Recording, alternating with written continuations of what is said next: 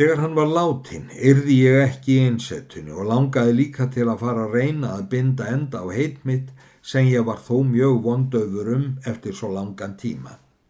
Ég ráðstafaði þó egnum mínum, gróf sumt í jörð því ég mat lítils auðleg þá meðan heitmitt var óuppfyllt.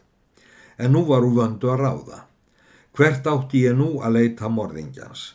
Bælið sem þeir höfðu haft vissi ég ekkert hvar var að finna enda var nokkur megin víst að þeir fyrir nokkurum árum hefðu flutt sig þaðan. Það var einnig mikið líklegt að þeir væru þá annað tveggja tvístraðir eður undir lokliðnir. Mér var að sönnu ekki antum að ná neinum þeirra nema fyrirliðanum því hann var morðingin. Í hálft ár ráfaði ég um skóana fram og aftur í ótal krókum að vita hvort ég erði einski svar og leið þá oft skort á ímsu. En ég var nú ekki lengur hinn úrraðalösi áttavetra gamli drengur, mér var ætið eitthvað til að bæta úr þröngminni. Ég skoð dýr og fuggla mér til matar og nokkrum sinnum gjörði ég smá gripdeildir í byggðinni og álitað enga synd. Um síðir fór ég að verða varfi stigamenn, var mér þá mest af öllu hugleikið að finna aðsetustað þeirra og það hefnaðist mér og þóttist ég þá miklu nær. Ég fór eins og snöðrandi hundur í kringum ræningjabælið, ímist gróf ég mig í jörð eða satt hátt í toppum trjána og fjekk með þeirri aðferð smásamann tækifæri til að sjá þá. Og um síðir veittist mér svo gleði að sjá þann sem ég helst og engum leitað eftir, einn á gangi varan skamt frá þar sem ég satt upp í trí einu.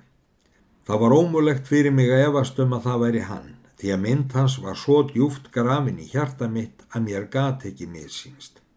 Ég stökk þá ofan úr trénu með brennandi hjarta af reyði og hemdarþosta, gekk til hans og sagði nýðingur. Nú er sá tími komin að hemd skal hins saklausa blóðs sem þú útheltir þegar þú myrtir móður mína. Hér sérðu þann sama dreng sem þú ætlaðir að kúa undir valditt eftir að hafa nýðstáinni að mér nær því ásjáandi. Ég er kjörin og komin til að fullnægja kröfun réttvísinnar og afmáðig af jörðinni. Honum fjallust orð og hendur en ég beigð ekki lengur og skaut hann þegar. Var þá eins og þungum steini verið velt frá hjarta mínu. Ég faldi mig aftur í sama trénu til að hætta mér ekki hendur ræningjana ef þeir veru margir. Þeir höfðu heilt skotið og komuð þangað sem höfðingi þeirra lág og stumruð yfir honum en að leita mín síndist þeim ekki vera neitt and. Eftir að ég varð varfið spellvirkjana hafði ég langan tíma svo sem ekkert sofið og þurfti því kvíldar við. Var mér það að ég sopnaði í limum eikarinnar og augði ekki um mig. Þeir höfðu orði aðgætnar en mig varði því að ég vaknaði fyrst við það þeir höfðu bundið mig svo ramlega við trér að ég gæt mig hvergi hrært ekki legg nýja lið. Nú gjörðu þeir mér tvo kosti var sá annar að ég skildi gjörast höfðingi þeirra og sverja þeim eiða að hefna þess ekki að þeir tóku mig nauðugan, ellega þeir létu mig svona á mig komin býða dauða míns sem efalust yfir langdregin og kvalafullur. Bæði var nú hjá mig löngun til að lifa og svo hildi mig við þessum vesæla döðdaga því að þrælarni myndu trúlega efna hótanir sínar og sór þeim því eið, eftir það leistu þeir mig. Fáir voru þar þá henni sömu sem hið fyrra sinn þegar ég komst í hendur þeirra og burtu var hjálparmaðu minn. Sögðu þeir hann hafa horfið og þrjá aðra með honum án þess að þeir vissu hvar um þá varð. Eftir sögt þeirra var höfðingi þeirra farin að linast í dugnaði en hardna í grimd og ílsku. Höfðu þeir oft liði vistaskort en engin var sá í floknum sem vildi eða treystist til að taka fórustu þeirra á endur. Oft hafði Gís komið til þeirra og færti mjóstnir og vísað til hvar og hvenar fjevænlegt var. En nú um tíma hafði hann ekki látið sjá sig og var það talsverð nekkir í aflabröðum þeirra. Ég tók þá að mér að stýra þessum óaldaflokki og var að ræna til að geta lifað, en bannaði harðlega öll nýðingsverk. Ég þráði mjög að fá eitthvað tækifæri til að losna úr þessari að mér í hæstamáta ógeðfældu stöðu án þess beinlínis að rjúfa eð minn. Gís langaði mig til að finna og vænt ég þess helst hér. Menn mínir þekktan og sjálfur hafði ég góða vonum að hann kæmi mér fyrir augu að þá myndi ég bera kennsl á þrælinn. Ég hugsaði heiklust að þú myndir ekki hafa afborið alla raunir þínar, nefnilega kvarfið okkar ástvinnaðina og væri því löngu andaður. En væri það ekki og þú hefðir enn þann sama starfa á hendi að ofsækja ránsmenn, þá gjörði ég mér vonir um að geta orðið þín var og hef því, þó með varkárni, oft farið einsamallum skógin og verið sem nærgöngulastur. Mikil er saga þín Arlíus, sagði Magnús, og að nokkuru leiti góð. Sorglegt er það að sönnu hversu ílskum mannana tókst að svifta móður þína saklausa lífinu, en það er þó gleðilegt fyrir okkur sem tregum hana svo mjög að vita hún deyði fyrir digð sína og þó það sé kannski ekki sem kristilegast, þá get ég ekki annað en glatt mig yfir því að hennar er hemmt að nokkuru leiti og er það sannfæring mín að hönd réttvísinnar hafi stjórnað því. Hvað gís viðvíkur þá fel ég það honum sem hemdin tilheyrir að kjósa hann úr flokki. Nú megum við fara að hugsa fyrir framtíð voru frændur. Ég þor ekki að hafa þig hér að svo stöldu, Arilíus, því að ég saðist hafa dreppið þig en skekinni að þú þekktist gæti þá lífið þínu og æru minni orði hætta búin. Ég get nú vel unna því, fadir, að þú fari frá mér eitt hvert þangað sem ég yðurlega get vitað hvernig þér líður. Þér, Ólafur, er nú mála vita með vissu, hvort kringum stæðum öllum viðvíkjandi högum þínum er eins og varið og þú gjörðir þér hugmyndum. Þú hefur aldrei séð eður talað við Kristínu síðan þú fjegst brefið sem ryggir þig mest og ert þú ekki vel vissum hvort hún er sönnað sög. Því svo þekk ég heiminn að skema á að róur hafi verið borin á millikkar með einhverjum bröðum. Því er það nú mitt ráð að þú farið til Danmerkur og kynnið þér betur verslunarsíslanir. Og svo þaðan til Íslands, þangað sem áttagar þínir okkar begja eru getur þú haft þar verslun sem lausakaupmaður og með því móti njóstnaðum hægi fyrirverandi ástvinnaðina. Þú ert nú orðin umbreyttur frá því sem þú varst þegar þú fóst þaðan og það er einungis ástar og ástvinnar augu sem þekkja þig og þó tróð, tröðlega þeirra sem fyrir löngu halda þig látin. Þó að þú finnir Kristínu sem annars manns konu, vorken ég þir ekki, Þú hefur nú heyrt hversu vér frændur þínir með miklum sorgleira móti höfum hlotið að sjá ástvinnum vorum á bak og hygg nú að hversu vér berum harma okkar. Ég vil að Arilius fari með þér því að mér þykir væntum að vita ykkur saman. Svo getur þú kent honum danska tungu. Líka væri mér kert að hann læriði íslensku, það er þó mál forfæðra hans. Þó mér, sagði Ólafur, eins og fyrri þykir mikið fyrir að skilja við þig, þá má nú ekki mæla á móti, svo sé ég að það er Arilíusi betra að ég færi með en að hafa öll þín ráð gefist mér vel og vil ég því ekki af þeim bregða. Þar í görið þú vel, Ólafur, ég skal gjöra ykkur svo vel úr gardi að ykkur skort ekki það sem þið þurfið að hafa. Bjögust þeir frændur þá og komust með skipi til Kaupmannafnar. Þar legðu þeir sér herbergi saman í afskektu stræti, Ólafur kom sér strax á Vestlunaskrifstofu og nautar fyrir utan tilsagnar í Vestlunaskóla og ávan sér hrós á báðum stöðum og þess á milli kendi hann Arilíusi sem fyrir utan lærdomsinn gekk á heræfingar og að ímsu starfi sem hann gat haft hagsmunni af því hann erði aldrei íðjulös. Sama árið sem þeir frændur fóru til Danmerkur kom Gís um haustið frá Íslandi og hafði þá um sömarið gjört samning þann við Vigfús á Hala sem áður er frásagt.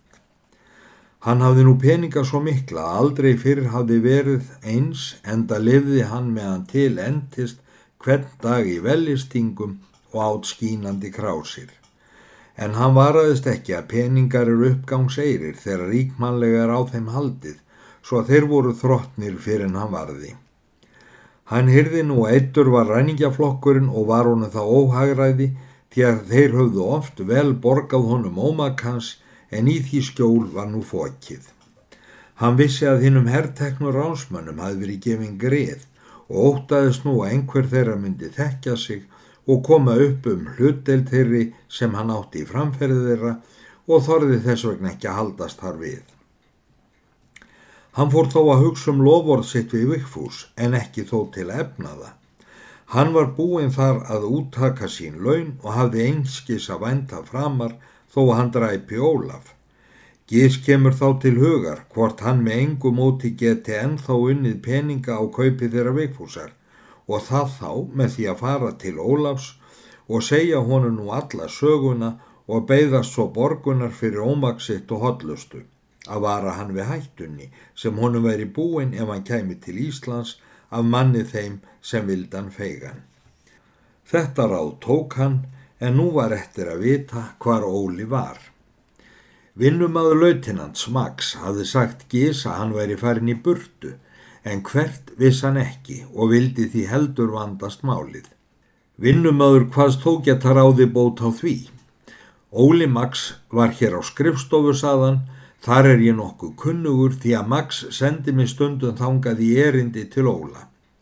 Það þykir mér mikið líklegt að hann skrifi einhverjum þeirra fyrir félaga sinna og skal ég þá vita hvort ég get ekki hjá þeim komist eftir hvert heimili hans nú er en hvers vegna er þér svo andum að vita það? Ég gjörði einu sinni dál til vik fyrir hann sem honum hefur vist glemst að borga mér en ég nú þyrti að fá fyrir. Nokkru setna fann Gís vinnumannin og sagði hann þá, ég þér verðu við styrta elda óla eftir skuldinni því hann er nú komið til kaupmannahafnar og á þar heima á tilteknum stað er hann nefndi. Líttu á seðilinn sem ég fekk, ég sagði þeim á skrifstofunni að stúlka einn hér í staðnum sem ætlaði að skrifunum hefði beðið mig að útvega þetta og því trúðu þeir. Já ekki held ég að fara eldan þangað, það væri þá helst að svíkja mig svona. En býtu við, ljáðu mér seðilinn, ég er í standi til að skrifa honum einhver tíma, það er heitin óþarfi að gefa eftir þessum köllum. Ekki hætti Gís fyrr við en hann var með hægum mótík að komist til kaupmannahafnar og var þá svo snauður að hann átt ekki til næsta máls. Tók hann því það ráð að fá sér vinnu í nokkra daga til að hafa jeta og svo til að kynnast í staðnum. Hann hafði á yngri árum farið til Ímisalanda sem sjómaður með mönnum frá Ímsum löndum og numið gröyti í dönsku máli sem kom hann nú í þetta sinna liði svo lítið sem það var. Einn af samverkamönnum hans, hann helst lagði lagsitt við, sá hér Lars. Þeir voru mikil indis líkir, verkalun þeirra voru jafn mikil, þeir snættu saman og komu sér bróðurlega saman um að drekka upp hverstags afgangsleifar sínar að kvöldi. Einu sinn er þeir sátu saman félagarnir tveir einir og skemmtu sér við ávöxtina dagsvinnu sinni tókist til orðan. Ægi gott eiga þeir herratni stóru sem ekkert þurfa að gjöra nema flatmaga og að drekka bara eins og þá listir. Eiga þeir gott, aldrei hef ég gett höfunda þá. Sérð ekki hvaða erfitt þeim veitir að hræra sig um strætin. Þeir eru svo afkáralegir í göngulegin eins og nöyt í fótbandi, ganga allir í skrikkjum eins og mikjuvagn á sléttri braut og svo hryktir í þeim eins og vindgisnar í tunnu. Vildur þú þá vera orðin eins? Já þá er nú betra að streyta sig sveittan á daginn og velta sér svo í heibingnum á kvöldin með pilluna sína. Þá sælu þekkja þeir herrar ekki því máttu trúa. Já en þeir eiga nú svo gott að þurfa ekkert að gjöra og hafa þó nóg af öllu. Já eiga þeir gott.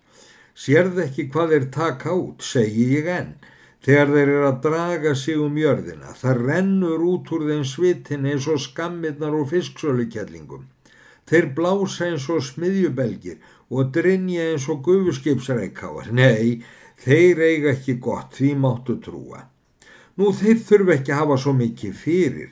Þeir geta alltaf leið og getið og drukkið eftir listsinn en þá fitnaði svo að mægin á þeim verður eins og bumba á ámu og er hefni fyrir þá ekki er tekin misgrip á þeim og alisvínum, því máttu trúa.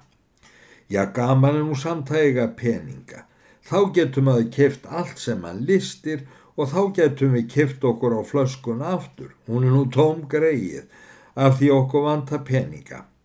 Hanna, það er nú okkar á milli sagt hægt að veita sér þá ef maður nennir að hafa fyrir því. Borið hefur það við að ég hef ekki verið lengi að því ef á hefur leið máttu trúa. Ægi blessaður, hvernig ferða því? Mér langar til að eiga peninga. Ég læt þessa saklausu máleysingja gjöra það, sagði Lars og tók upp hjá sér kippu af allavega löguðum liklum, fast saman vöfðum innan í klút svo ekki ringlaði í. Já, já, já, nú skil ég. En er það ekki hættulegt? Getur það ekki missefnast? Jú, ef maður er heimskur eins og músin þegar hún sér köttin eða klauðalegur eins og nöytið þegar það ætlar að fara klifra á eftir geitinni, því máttu trúa. Ég held ég sé hvorugt lofaðu mér með þér, mér langar óskup til að eignast peninga.